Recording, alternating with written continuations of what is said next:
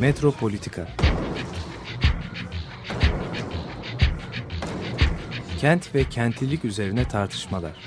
Ben oraya gittiğim zaman balık balık balık balık tutabiliyorum mesela.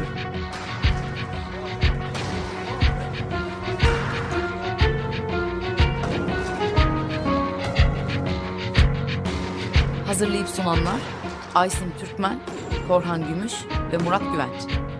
Takusuyor ki. kolay kolay boşaltamadılar. Yani elektrikçiler terk etmedi Perşembe Pazarı merkezinde.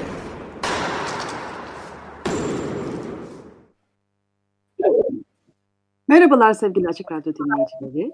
Ee, Bugün ben Aysim Türkmen ve Korhan Gümüş e, beraber yapacağız programı. Ee, İki ayrı konudan e, bahsedeceğiz. Ee, Son günlerin önemli konusu Ayasofya e, Müzesi üzerine konuşacağız programın ilk bölümünde. İşte camiye mi çevrilsin, müze olarak mı kalsın e, sorularıyla e, e, programa başlayacağız. E, Daha sonra e, adalara geçeceğiz. Adalarda e, otobüslerin, e, faytonların yerini alması üzerinden e, tartışmayı devam ettireceğiz. E, bu e, Ayasofya ile ilgili e, 537 yılında e, kurulmuş bu e, muazzam yapı, mimari yapıyla ilgili konuşmanın ne kadar belki zor olduğunu konuşarak e, programı e, başlatacağız.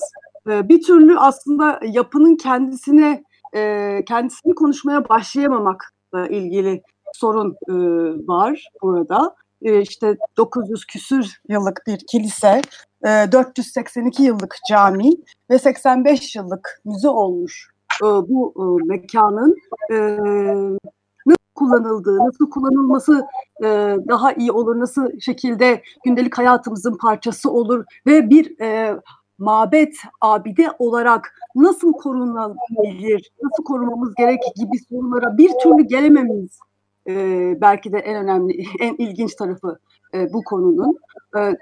Yıllarca belki de işte e, 30, 40, 50 senedir e, ideolojik bir tarafta bir taraftan yaklaşarak bu konuyu özellikle sağ partilerin bu konuyu ideolojik şekilde e, seçimlerden önce özellikle getirmeleriyle e, bir e, üzerine bir katman örtülmüş gibi e, konuştuğumuz bir mesele halinde e, bir türlü yapıya, mimarisine gelemiyoruz ki e, bu mimari yapının e, daha yapıldıktan sonraki kiliselere örnek teşkil etmiş olması, hatta cami mimarisine de örnek teşkil etmiş olmasını e, konuşamamak belki de çok e, hani hakikaten üzücü. Evet, Ayasofya'nın müze olarak kalması mı, camiye çevrilmesi mi? Koran sen sen nasıl görüyorsun mevzuyu? Ben de tam senin şu anda söylemiş olduğun kelimeden başlayarak bir giriş yapayım. Ee, dönüşmesi, camiye dönüşmesi diyoruz. Diğer taraftan da müze olması bu kalma sözcüğü, yani almak fiili diyelim, ee, bir eylemsel, eylemsizlik haline işaret ediyorum. Yani buradan başlamamız belki daha yerinde olur diye düşündüm. E, çünkü e, çünkü şeyin kalma fikri aslında bir şey yapmama hali, bir eylemse eylemsizlik hali gibi e, böyle bir şeyi insana hatırlatıyor. Böyle bir şeyi çağrıştı ki biz bir şeyleri keşfet, bir şeyleri yeniden kurmak üzerine konuşmalıyız tam da şu anda. Ve bu burada bir bence bir problem var. Bir noktası bu işin. E, gerçekten Ayasofya'nın müze olarak kalmasından da memnun muyuz? Mesela ben hiç memnun değilim. Topkapı Sarayı'nın müze olarak kalmasından hiç memnun değilim. E, hatta Atatürk Kütüphanesi'nin, AKM'nin yönetim biçiminde hiç memnun değildim. Yani bir türel alanın devlet tarafından çok bağımlı şekilde yönetim olduğunu düşünüyorum. Aynı şekilde devlet konusunun da yönetiminde bir problem olduğunu düşündüm. Kültür ve her konuda aslında seküler bir toplumda bu yönetim fikrinin sorunlu olduğunu düşünüyorum. Yani Ayasofya'nın aslında müze olarak kalması sorunu çözmüyor gibi geliyor bana. Sadece Ayasofya değil aslında bütün e, şeyler yani kültürel miras yönetimiyle ilgili her konu Ayasofya'ya bağlı e, diğer müzeler de dahil olmak biliyorsun 9 tane Bizans kilisesi daha Ayasofya yönetimine bağlı. Bu bürokratik aygıtın yönetimini de tartışmamız gerekir diye düşünüyorum. Sen şeyden e, söz ettin. Yani dünya tarihinde bir yeri var Ayasofya gerçekten hani fethedilene kadar dünyanın en büyük e, ibadet yapısı. Yani fethedildikten sonra da e, bir Hristiyanlığın en büyük e, ibadet yapısı o tarihe kadar bin yıl boyunca neredeyse. Şimdi bu kadar dünya tarihindeki çok önemli bir şeyi biz gene simgesel olarak bir cumhuriyet tarihinin meselesi olarak algılıyoruz. Yani gene 1934'teki işte müze kararının verilmesi, müze olması vesaire gibi. Oysa ki Osmanlı tarihinin sadece modernleşme kıssak çok daha farklı bir perspektif içinde Ayasofya'ya yaklaşabiliriz gibi geliyor. Yine burada da çok kısıtlı bir zihin dünyasının içine hapsedildiğimizi düşünüyorum. Yani Cumhuriyet tarihi ile modernleşme tarihi arasında biz e, şeyi kuramıyoruz, köprüyü kuramıyoruz ve Cumhuriyet tarihi içine sıkıştırıyoruz her meseleyi. Yani böyle bir şey içinde her şeye bakmaktan yanayız. Oysa ki Osmanlı modernleşmesinin çok farklı boyutları var ve bunu algılamak da e, gerekiyor diye düşünüyorum. İstersen bu ikisinden gördüğüm iki tane önemli gelişme oldu. Yani son şeylerde bir tanesi İstanbul 567. yılı vesilesiyle biliyorsun Ayasofya'da Cumhurbaşkanı Erdoğan'ın da görüntülü olarak katıldığı bir tören düzenlendi. Fetih suresi suresi okundu. Bundan sonra da işte bu camiye çevirme dönüştürülmesi tartışmaları başladı. Ee, ve bu şey tabii tek başına Ayasofya değil, e, tarihinde böyle bir e, şeyin aslında çok farklı bir ajanda var. Yani birçok konu var sadece Ayasofya değil. Buna benzer birçok konuyla biz karşılaştık bugüne kadar. Bunlar hep gündemimize tekrar tekrar geldi. E, tekrar tartışıldı. Tekrar e, aslında tartışıldı da de, tam denemez. Bir takım bir gerilim var. Ama bu gerilimin arka planında ne neler oluyor? Biz bunu tam şey yapamıyoruz. Mesela nasıl hani Taksim Meydanı Cumhuriyet tarihi çok önemli bir meydanı. Yani temel Türkiye'nin aslında temsil sahnesi yani Taksim Meydanı. Ama onun arkasında ne var? Bunu aslında biraz konuşamıyoruz. Niye? Çünkü hep Cumhuriyet tarihiyle başlatıyoruz. Aslında o tarihin arkasında başka bir kamusal program var. Yani iktidarın temsilleri var, e, başka meydanları var.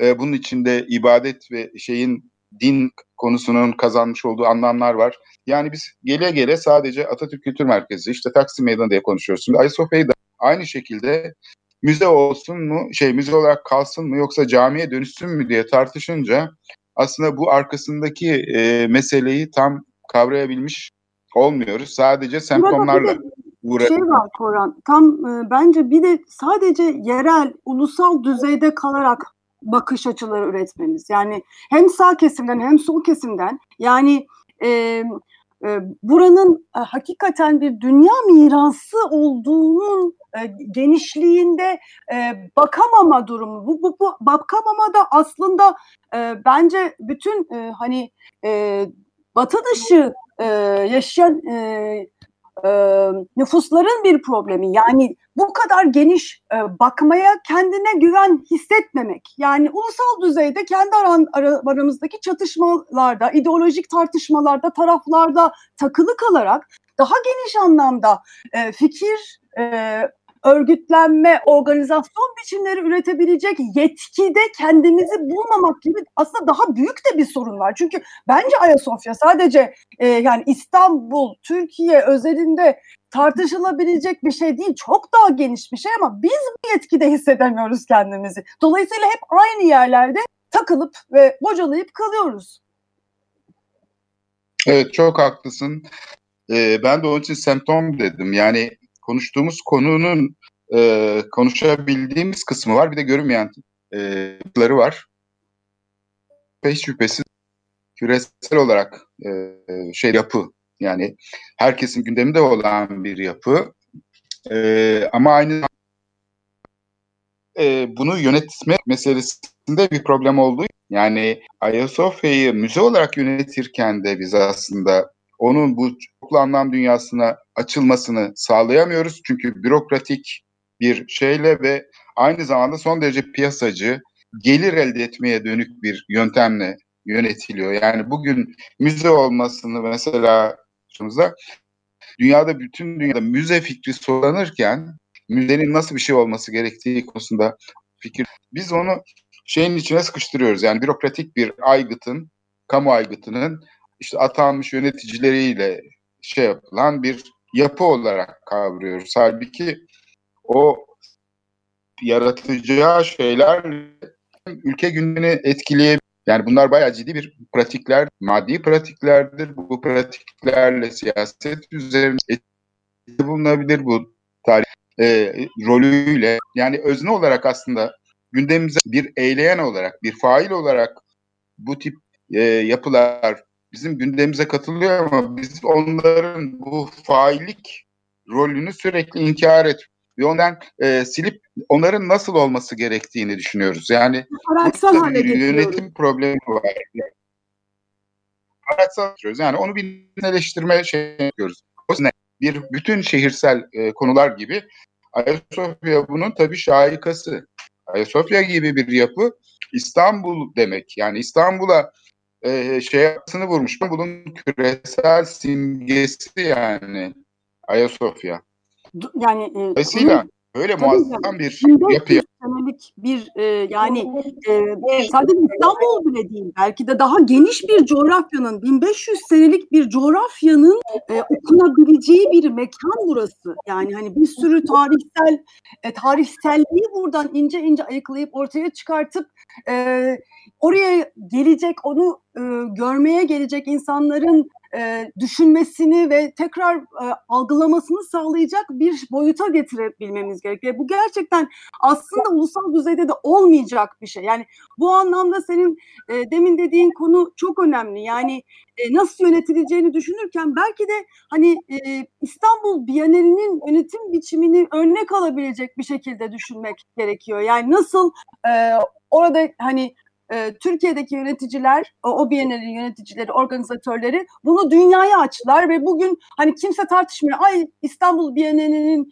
e, küratörü de İtalyanmış işte e, neden de Türk değil denmeyecek başka bir yönetim biçimine, başka bir anlayışa getirilmesi gerekiyor. Çünkü hani e, burada ulusalcılığın bizi e, sıkıştırdığı noktadan çıkabil çıkmamız gereken e, önemli bir e, mimari abide e, var.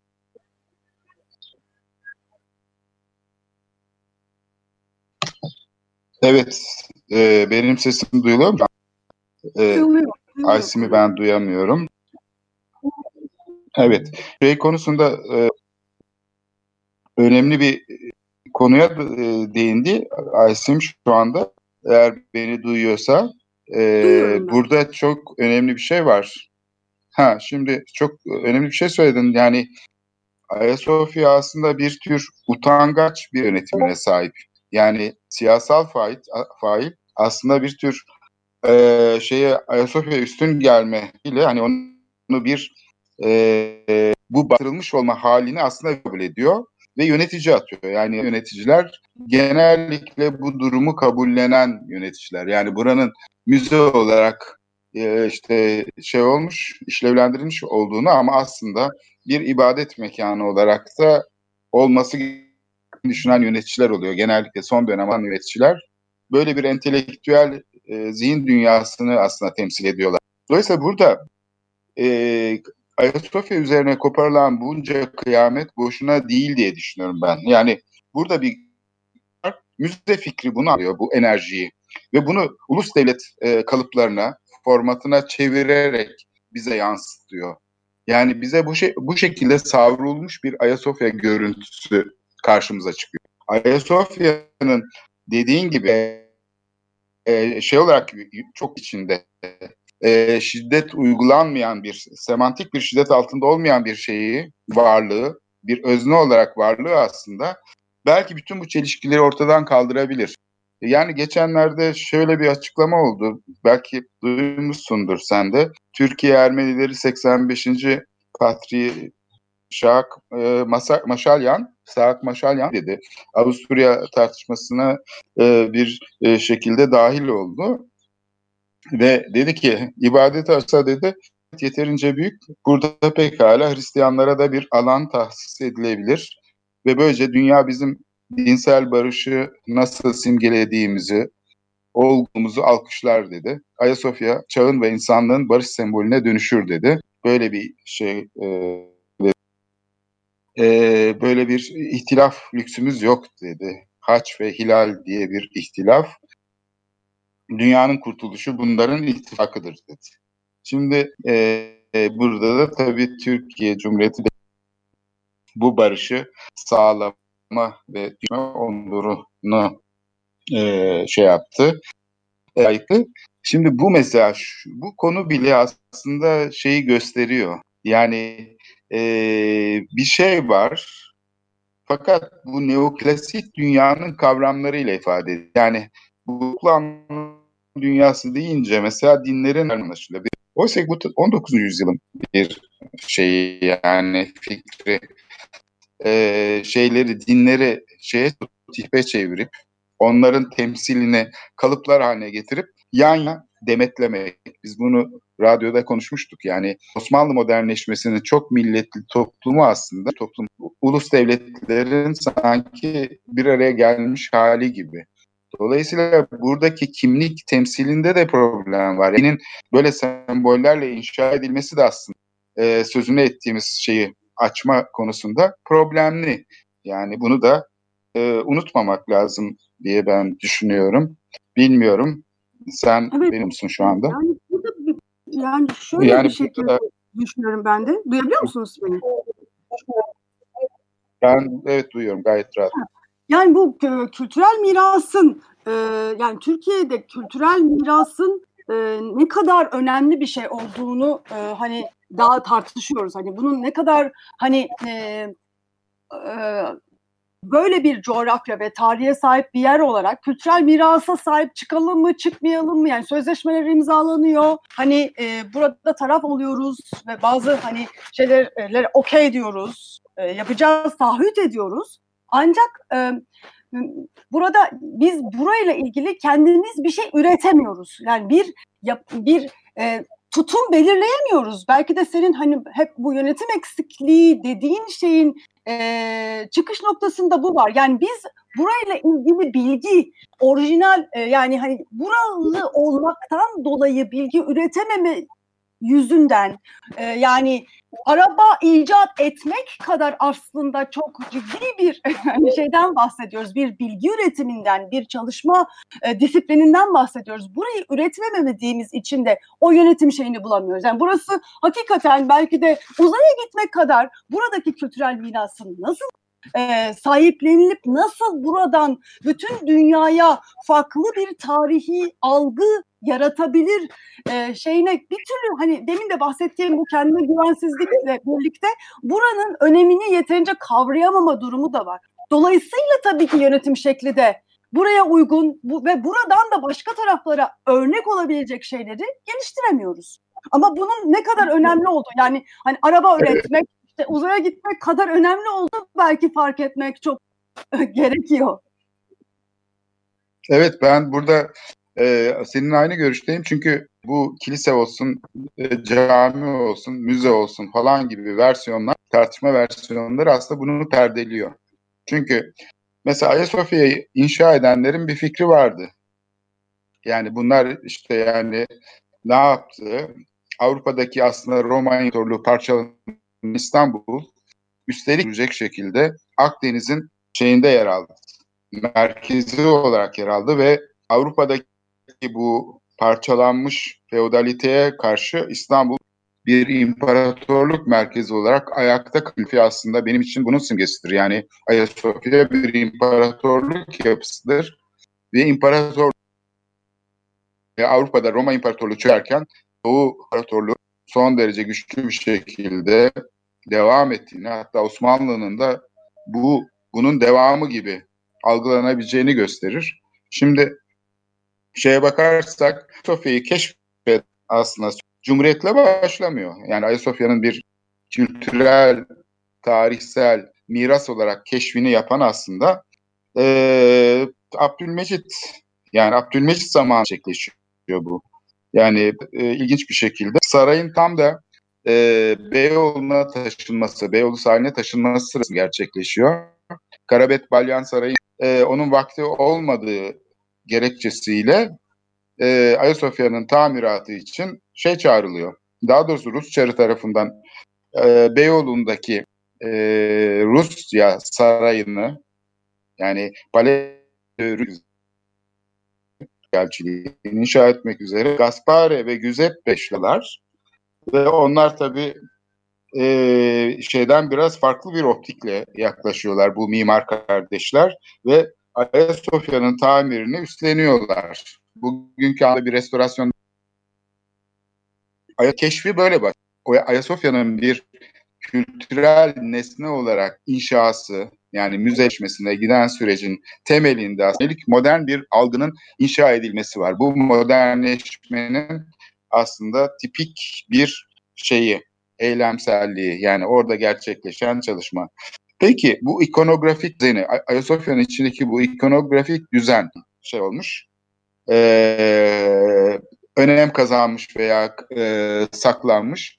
İlginç olan Ayasofya ilk e, saklanması, içindeki tasvirlerin ortadan kaldırılması, ikonaların vesairenin ortadan kaldırılması tam da 9. yüzyılın ortasında yani Bizans döneminde, Roma döneminde yani içindeki bu temsillerin kapatılması ikonoklazma döneminde, ikonakırıcılık zamanında gerçekleşiyor ve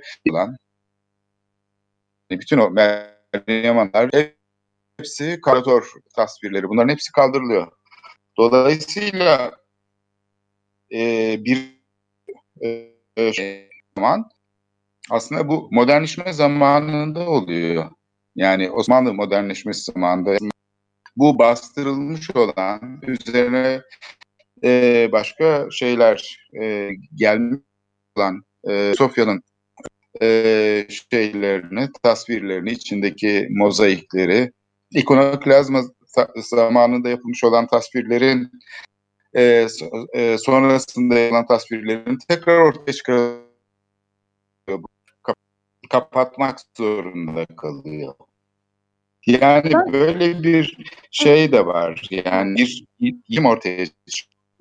Bunların da aslında çünkü bu çalışmalar Rus çarı tarafından desteklense Rus çarına da gidiyor çünkü Fossati kardeş e, yayınlanması için. Belki o tasvirlerin çoğu günümüzde ve o tasvirler Ayasofya üzerine yapılmış o zamanki araştırmaların çoğu bugün yayınlanmış olacak. Fakat henüz e, Osmanlı İmparatorluğu'nun modern e, şeyi içinde Abdülmecit tarafından Avrupa'da bu Ayasofya'nın çok büyük ilgi görse yani çok Abdülmecit ve Sultan e, yani Sultan yanında kim var? Bir de Mustafa Reşit Paşa var. Yani bu Fermanlı ki ikili Ayasofya gerçekleşen bu çalışmalar gerçekten çok hani sahiden çok önem veriyorlar. Ama bugünkü müze fikri şimdi bu müzeye bak yani ona yakın ziyaretçisi var. Yani Türkiye'nin en çok ziyaretçisi olan müzesinden söz ediyoruz. Aynı en zamanda Türkiye'nin en en pahalı aynı zamanda. En pahalı. En pahalı. 10 euro 10 euro bir bedeli var. Yani 4 milyona 10 sene desen 40 kişiden 10 e, euro ne, ne kadar yapıyor? 10'la e, çarparsak 40'ı 400 milyon euro falan yapıyor. Yani inanılmaz bir şey. Yani para basan şey bir görülüyor. Bir taraftan yönetimi.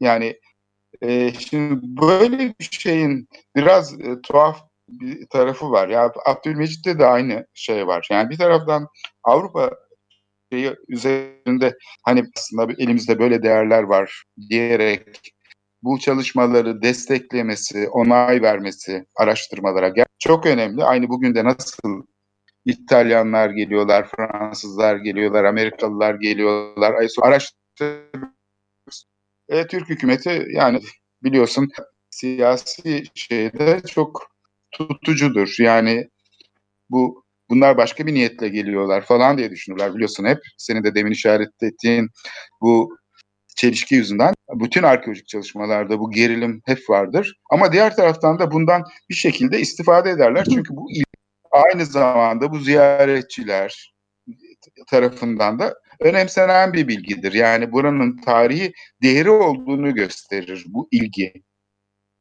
Bizlerine hele Ayas gibi bir şahsere e, şeyin e, seyyahların ilgi göstermesi. Abdülmecit de tam böyle bir ilgiye sahip. Yani hem bunun e, şey olmasını hoşuna gidiyor Avrupa işte dan araştırmıyor işte bir de mimar gelmiş burada işte mimar kardeşler çalışıyorlar e, ortaya çıkarıyorlar falan. Ama bir taraftan da gene araçsal bir yaklaşım. Bu ilginin e, nedenini tam olarak içselleştirdiğini ve ke- kendi modernleşme sürecinin eylemleri içine tam kattı da gibi geliyor bana. Böyle Yani bir gerilim var. Kesinlikle bu, bu bunun da e, sebebinin kendini bilgi üretmek e, konusunda yeterli ve güvende hissetmemesiyle ilgili olduğunu düşünüyorum. Yani bunu ama yani tüm kesimler için sağı solu akademisyeni ve sanatçısı bile dahil olmak üzere yani böyle bir aslında biz e, var olan hani e, yani gene tırnak içinde söyleyeceğim batı e, kafamızdaki batının e, e, hegemonyasında üretilmiş olan e, bilgiye sadece cevap verecek şekilde ya da onu tekrar edecek şekilde bilgi e, üretebilmeye yetkin görüyoruz kendimizi. E, hani bir dakika baştan buraya bakalım, bir daha bakalım ve buradan hani buraya ya buraya ait olabilecek şekilde yani buranın e, şu andaki bu ideolojik savaşlarına ve e, gerekliliklerine cevap verebilecek şekilde bilgi üretmenin özgün e, şeylerin peşine gidemiyoruz. Yani bu, bu burada bir sorun olduğunu düşünüyorum. Dola yani e, evet, bu, bu ben biraz ama yani burada şey da bu aslında çok şey e, çok ciddi çalışma da gerektiren bir şey bu. Yani çok ciddi kaynak aktarımı gerektiriyor. Baştaki politikacıların bunu fark edip buradan da yola çıkılması gerekiyor. Yani buranın hani Evet. e, Burada, burada bir problem var. Evet. Evet. Yani bunu şöyle e, söyleyebilir miyiz e, belki? Yani sekülerleşmemiş bir kamusal, yani bilim olsun, ibadet olsun, kültür. Bu alan sekülerleşmemiş ve burada aslında imtiyazlı bir kesim oluştu. Yani Osmanlı modernleşmesinden başlayarak aslında el dediğimiz entelektüel e, katılan e, aktörlerin e, yönetim erkiyle çok iç içe olduğunu görüyoruz. Bir örnek vermek istiyorum. Floransa çok ciddi bir restorasyon programı İtalyan hükümeti, Kültür Bakanlığı. Fakat restorasyon çalışmalarını Japon mimarlar ve restoratörler üstlendi. Niye Japonlar? İtalya'da şey mi yok? Yani restoratör mü yok? Herhalde dünyanın en iyi restoratörleri İtalyan işlerinde zaten önde gelen biri ve belki Japonya'daki restorasyon işlerine de İtalyan diyor olabilir.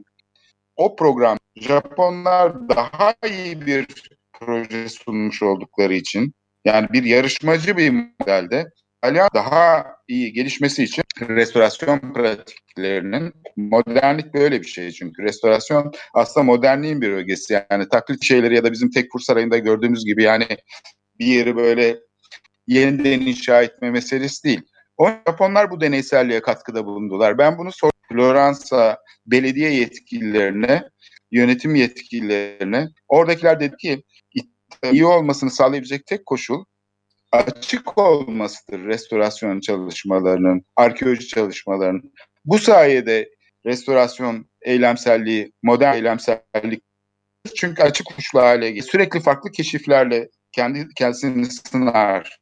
Şimdi Türkiye'de şeye bakarsan İstanbul'un en değerli varlıkları, surları mesela, kara surları öyle bir restorasyon şeyine, rejime tabi tutuldu ki sonunda yeniden inşaat haline aldı.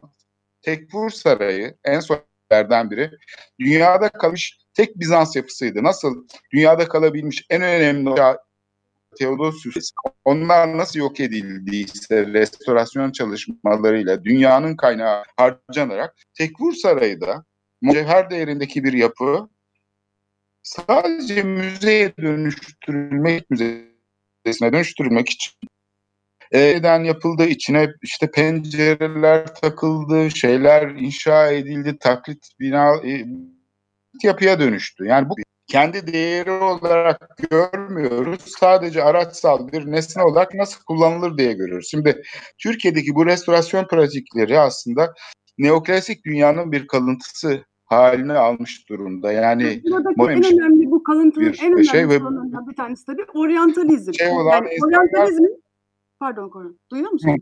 yani duyuyorum gayet güzel duyuyorum.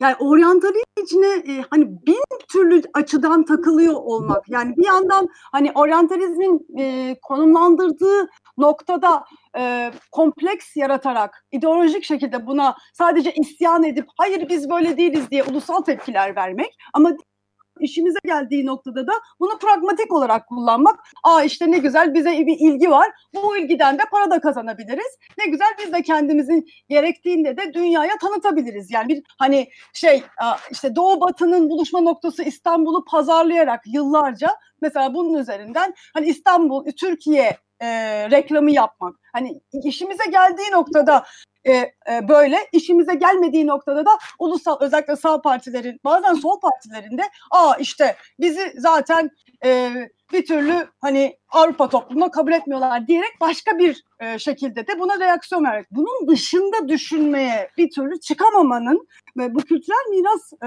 konusuyla çok ciddi ilişkisi var. Yani kendi e, e, bu kültürel mirasla olan ilişkimizi yeniden keşfetmenin yollarını bulmadığımız sürece bu iki noktada ve daha başka belki de bir sürü açıdan buralarda hep takılı kalacağız. Oryantalizmin bizi gömdüğü noktada biz debelenmeye devam edeceğiz. Evet. Burada istersen programın ikinci kısmına geçmeden önce Ayasofya'nı şimdilik e, kapatalım. İster müze olsun ister cami olsun ortada bir kriz. Bu krizin nedeni de e, Ayasofya'nın müze olması ya da cami olması değil. Aslında bu bir şeye dönüştürülmeye çalış yani sürekli bir şeye dönüştürülmesi e, çabasına gösteriyor. Bu o Ayasofya'nın sürmeye özne olarak şehrin tarihi içinde hep yer aldığını görüyoruz. Dolayısıyla alınan her kararın bir kriz yaratması da bunun bir göstergesi gibi geliyor bana. Ulus devlet kalıplarıyla inşa edilen işte İstanbul'un fethi kavramı gibi bütün kültürel miras kavramlar aslında problemli.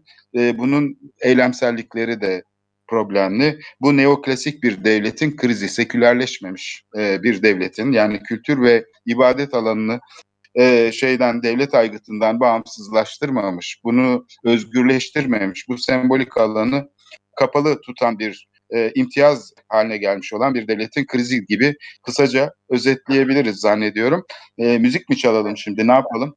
Evet, e, sen ne müzik düşünmüştün Koran bugün? E, Bugün ben aslında geldin. onun hani şey var ya e, böyle Kurt Weill bestesi e, Brecht'in şeyinde de yer alan e, onu tabii Neil Hannon'la birlikte şey yapmış, e, seslendirmiş. Tango Balat isimli parçayı dinleyelim istersen.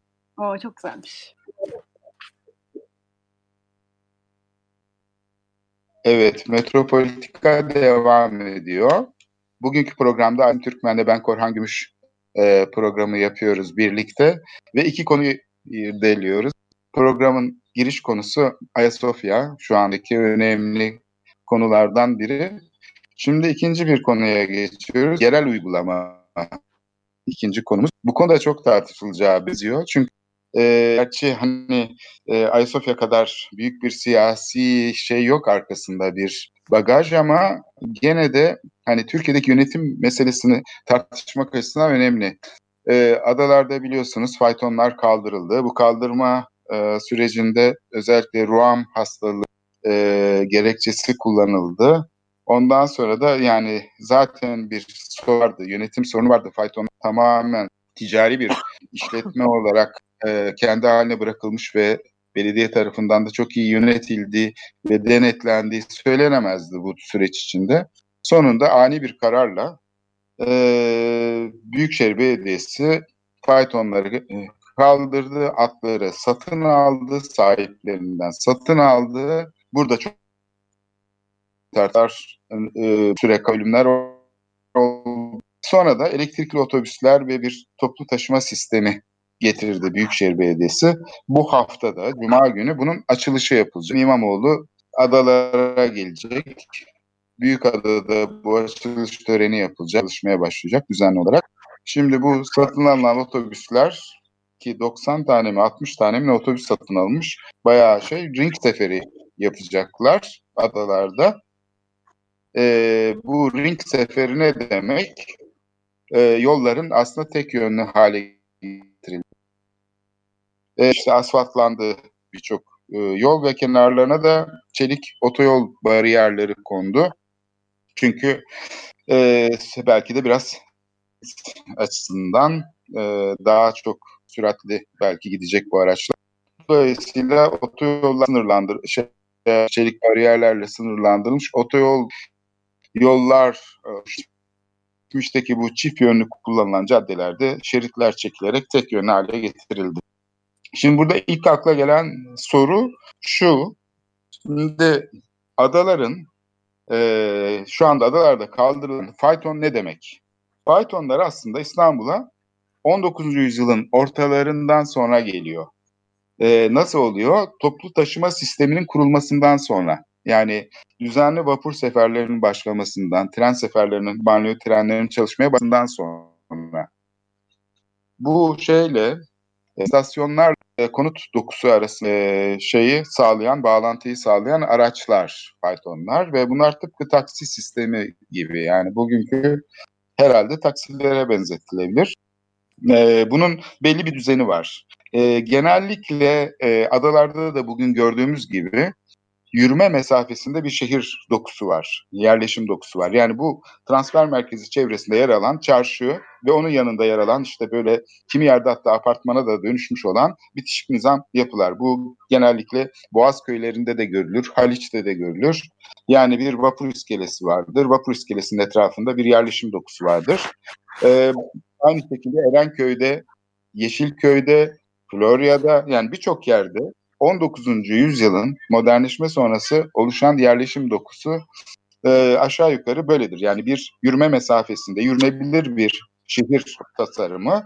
Bir de sadece yazları kullanılan köşkler. Erenköy'de de böyle, işte Caddebostan'da da biraz böyle, işte adalarda da böyle. Şimdi bu doku bir tek adalarda kaldı İstanbul'da. İstanbul'un son zamanlardaki bu gelişme süreci bu dokuyu olduğu gibi ortadan kaldırdı adaların e, yapısını aslında bu yerleşim düzenini e, bu şekilde bugüne kadar getirdi. Adalarda bu değişiklik olmadı. Şimdi, burada gene, bir küçücük gene aslında demin e, e, söylediğim şeyin başka bir noktası e, burayı da herhalde kapsıyor. Bu düzen dünyada da herhalde çok az yerde vardır. Değil mi? Dolayısıyla belki evet, başka bir dünya mirası bu bir yandan da değil mi? Özgün, özgün evet sit alanı ilan edilmiş bir yer.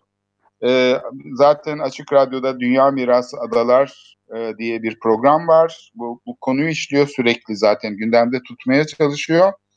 İstanbul ölçeğinde baktığımızda da hani İstanbul'un özgün olarak kalabilmiş tek şeylerinden sayfiye yerleşim düzenine sahip adalar. Buna ne diyoruz? İstanbul'un sayfiye mekanlarının son örneği diyoruz adalar. Çünkü şehrin diğer bölümlerindeki bu 19. yüzyılın modernleşme sonrası ortaya çıkmış e, yerleşim düzeninin hiçbir örneği kalmadı. Hepsi tasfiye oldu, hepsi değişti. Bir tek e, adalarda bu kaldı. Genellikle bu köşkler yazları kullanılıyordu ama merkezdeki bu yoğun yerleşim dokusu ki burada genellikle küçük üretim barınır, esnaf barınır, hizmetler burada yer alır. Onlar kışın da e, tabii ki orada yaşıyorlardı ve dolayısıyla böyle bir ikili bir şehir yerleşim morfolojisi olan yapı e, e, korunması gereken e, yerleşim mantığı. Şimdi bu toplu taşıma sisteminin bunu hiç dikkate almadı. Dolayısıyla ring seferleri yapan otobüslerle sanki hani Ümraniye'de, Dudullu'da falan bir yerleşim alanında nasıl yeni kurulmuş bir yerleşim alanında nasılsa adanın da yerleşim dokusunu etkileyecek bir ulaşım kararı olduğunu söyleyen özellikle ulaşım açısından bakanlar sadece bu iş bir ulaşım meselesi değildir. Aynı zamanda yerleşim e, biçimini dönüştürecek bir karardır diyorlar. Adalardaki yapılaşma şeyini değiştirebilir. Kullanılmayan ve seyrek olan e, dokular, Yani imara açılmamış alanlar böylece eşitlenmiş oluyor bu ima, e, bu ulaşım sistemiyle. Dolayısıyla e, aslında bu bir gelişme modeli. Yani adaların aslında e, bugüne kadar olmayan e, bir e, gelişme modeli İstanbul'un gelişme modeline bağlanmış olduğunu, adaların da artık bu sürece dahil olduğunu bilenler var. Dolayısıyla Yani bir, bir bu anlamda şey yerleşiminin sonu o. bir anlamda e, şeye benzetebiliriz değil mi? Köprülerin açılmasıyla birlikte e, bu e, Anadolu yakasındaki Bağdat Caddesi'ndeki e, köşklerin nasıl bir anda apartmanlara dönüşme süreci değil, değil mi? Çok benzer bir şeye e, işaret ediyor. Evet, bu, bu İstanbul'da çok yaşanan bir süreç.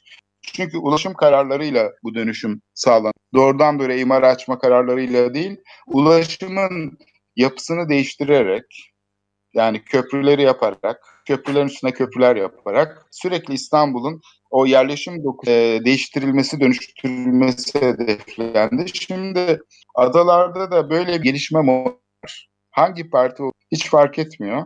İstanbul'daki tek gelişme modeli aslında inşaata bir ekonomi.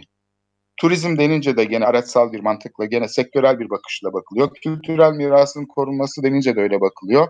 Ulaşım denince de öyle. Dolayısıyla e, Büyükşehir Belediyesi aslında planlama sürecinde şu anda adalarla ilgili bir plan hazırlar. Bunu dikkate almaması, planla bunun arasında bir bağ kurmaması, otur bir kararı paldır küldürü alması biraz tuhaf e, geldi herkese. Ama oysa ki bu kararın da bir geçmişi olduğu söyleniyor. Büyükşehir Belediyesi'nin 10 senedir aslında adalardaki ulaşımı, toplu ulaşımı e, çalıştığını söyleyenler var. Onun için görev almış e, şehir plancıları var. Dolayısıyla yeni bir karar da değil aslında. Karşımıza yeni çıktı ama aslında biz ne yapabiliriz de şu adaları bu geri kalmışlığından kurtarabiliriz diye düşünen herhalde yöneticilerimiz olmalı. Siyasetçilerden de bağımsız olarak görülebilir. Türem çünkü bir şey bu. Teknokratik bir yaklaşım. Nasıl İstanbul'un bütün meydanlarını otoyol kavşağına çevirmek istiyorsa bu teknokratik ulaşım yani E meydanından işte ne bileyim Tophane Meydanı'na, Taksim'den Mecidiyeköy'e kadar, Beyazıt Meydanı'na kadar her yeri, her yeri bir otoyol kavşağı gibi ele alan bir ulaşım kafası var İstanbul'un teknokratik ulaşım planlaması dediğimiz. Hiçbir zaman şehrin bütünlüğüyle entegre bir şekilde, etkileşimli bir şekilde, alternatifleri açık bir şekilde e, tartışılarak geliştirilmeyen bir süreç olduğu için adalarda bu ne aslında çok şaşırtıcı değil. Ama bunun sonuçları ne olur? e, bu yapının tahrip olması sonucunda adaların cazibesi kalır. Bunu da düşünmek lazım. Yani bir taraftan turizmciler biliyorsun kendisini engelleyen zaman aktörlerine bırakılırsa turizm sanki bir yerin değeri keşfediliyor ve gizli bir örgütmüş gibi de bu değeri yok etmeye çalışıyor turizm. Bu görülen bir şey Türkiye. Oysa bindiği dalı kesmemesi lazım. İşte mesela gidiş kuyruklar oluyordu işte muazzam kuyruklar. Bu faytonlara e, doldurulur, atlar koşturuluyordu. E, tabii ki atların son zamanlarda ezitin e, kötülerlerin insafsız aslında bu piyasaya terk edilmiş olan kamusal alan meselesi vardı. Yani piyasaya bırakılırsa e, et, kar şeyi öne daha fazla kar etmek için faytonlarda haldır haldır turist taşıyorlardı. Arap turistler özellikle bu fayton turunu çok seviyorlardı ve bir gelir bırakıyordu. Şimdi bu otobüslerin arkasındaki mantık da da sanki oysa ki yani e, zaten sorunuydu bu gidiş. Yani bu şekilde şehrin özelliklerini, özgünlüklerini dikkate almadan sadece ulaşım diye bakmak e, bu şeyi dönüştürecek bir yani bu korunması gereken site bölge, e, ana özelliğini, eşsiz değerini ortadan kaldıracak bir konu gibi gözüküyor. Yani bu, dolayısıyla bu merkezdeki e, şey, e, yapı restorancılık, tesisatçılık, taşımacılık, marangozluk, küçük üretim hizmetleri vesaire ile yapıya düzenindeki o bir e, güzel mimarlık yapıların korunması, korunması yerine şimdi yerleşime açılan, her yere inşaat yapılabilecek olan bir şehir dokusu gibi adalar şekillenecek. Ulaşım kararları gördüğün gibi şeyi de çok belirliyor yani koruma fikrini temelde etkileyebiliyor ulaşım kararları. Ve bu sosyolojinin kurucu ögelerin yani yapının kurucu ögelerinden biri ulaşım. Ulaşım bu kadar basitçe insanların ihtiyacı var, taşıma sistemi kuralım diye bakılamaz. Dolayısıyla kaldırılsa bile bu yapının aslında dikkate alınmış olurdu eğer burası ise. Bir de araçların tasarımı biliyorsun çok eleştirildi. Sen de görmüşsündür Aysim şeyde e, yazılar da çıktı. Luna Park araçları gibi. Yani bir taraftan böyle bir kültürel miras diyoruz. Yapılar son derece simgesel olarak değerli. Bunun içine böyle onları örtmeye çalışan, hani kendisini böyle öne çıkarmaya çalışan, bağıran bir tasarım koymaya çalışıyorlar. Halbuki daha e, sergilenen bir şey eğer bu kültürel miras, ulaşım sistemin daha mütevazi, daha yalın, daha böyle e, şey olması beklenir değil mi? Modernleştirilmiş bir şey gerekiyor. Over design, üstüne aşırı dozda süslenmiş şeyler, bilmem neler. Bir de böyle bir tuhaflık var. Yani bunu çok görüyoruz belediye uygulamalarında. Süslemekle uğraşıyorlar. Oradaki çalışan insanlar kendi görevlerini bunu yapmak zannediyorlar gibi gözüküyor. Evet, korumayla ilgili evet. e, baştan itibaren programın başından itibaren ilgili konuşuyoruz ve buradaki hani e, çok temel e, hani sorunları ve sorunları e, tartışıyoruz. Ya burada bir hani hakikaten modern devrin e, 19. yüzyıl sonrası hatta 18. yüzyıl sonrası modernleşmenin nasıl bu korumanın parçası olduğu. Yani mesela sen sayfiye mekanı denilen şeyin e, nasıl korunması gerektiği yani 19. yüzyılda oluşmuş olan bu yapının bu şeyin nasıl e, mekansal olarak nasıl sadece bina bina bina değil bir mekan olarak nasıl korunması gerektiğiyle ilgili büyük bir e, problem e, yaşıyoruz. Bunun e, bunun e, ötesinde bir de hani e, zamansal olarak da korumayla ilgili başka bir problem evet. yaşıyoruz. Evet. Bu korumayla ilgili yaptığımız programı e, sonuna gelmiş bulunuyoruz. Ayasofya'dan çıktık, adalara atlandık. Evet. bu Burada e, e, korumanın sadece binalar e, demek olmadığını, e, bu mantığın korunmasının da önemli olduğunu söyleyerek programı tamamladık. Teknik Masada Feral Kabil'e çok teşekkür ediyoruz. Çok Destekçilerimize de. Haftaya görüşmek üzere. Herkese sağlıklı günler.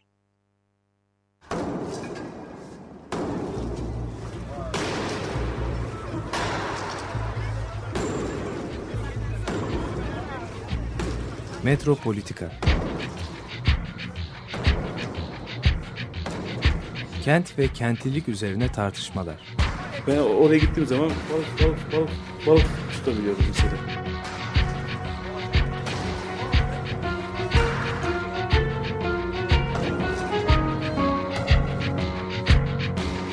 Hazırlayıp sunanlar Aysim Türkmen, Korhan Gümüş ve Murat Güvenç. Ki.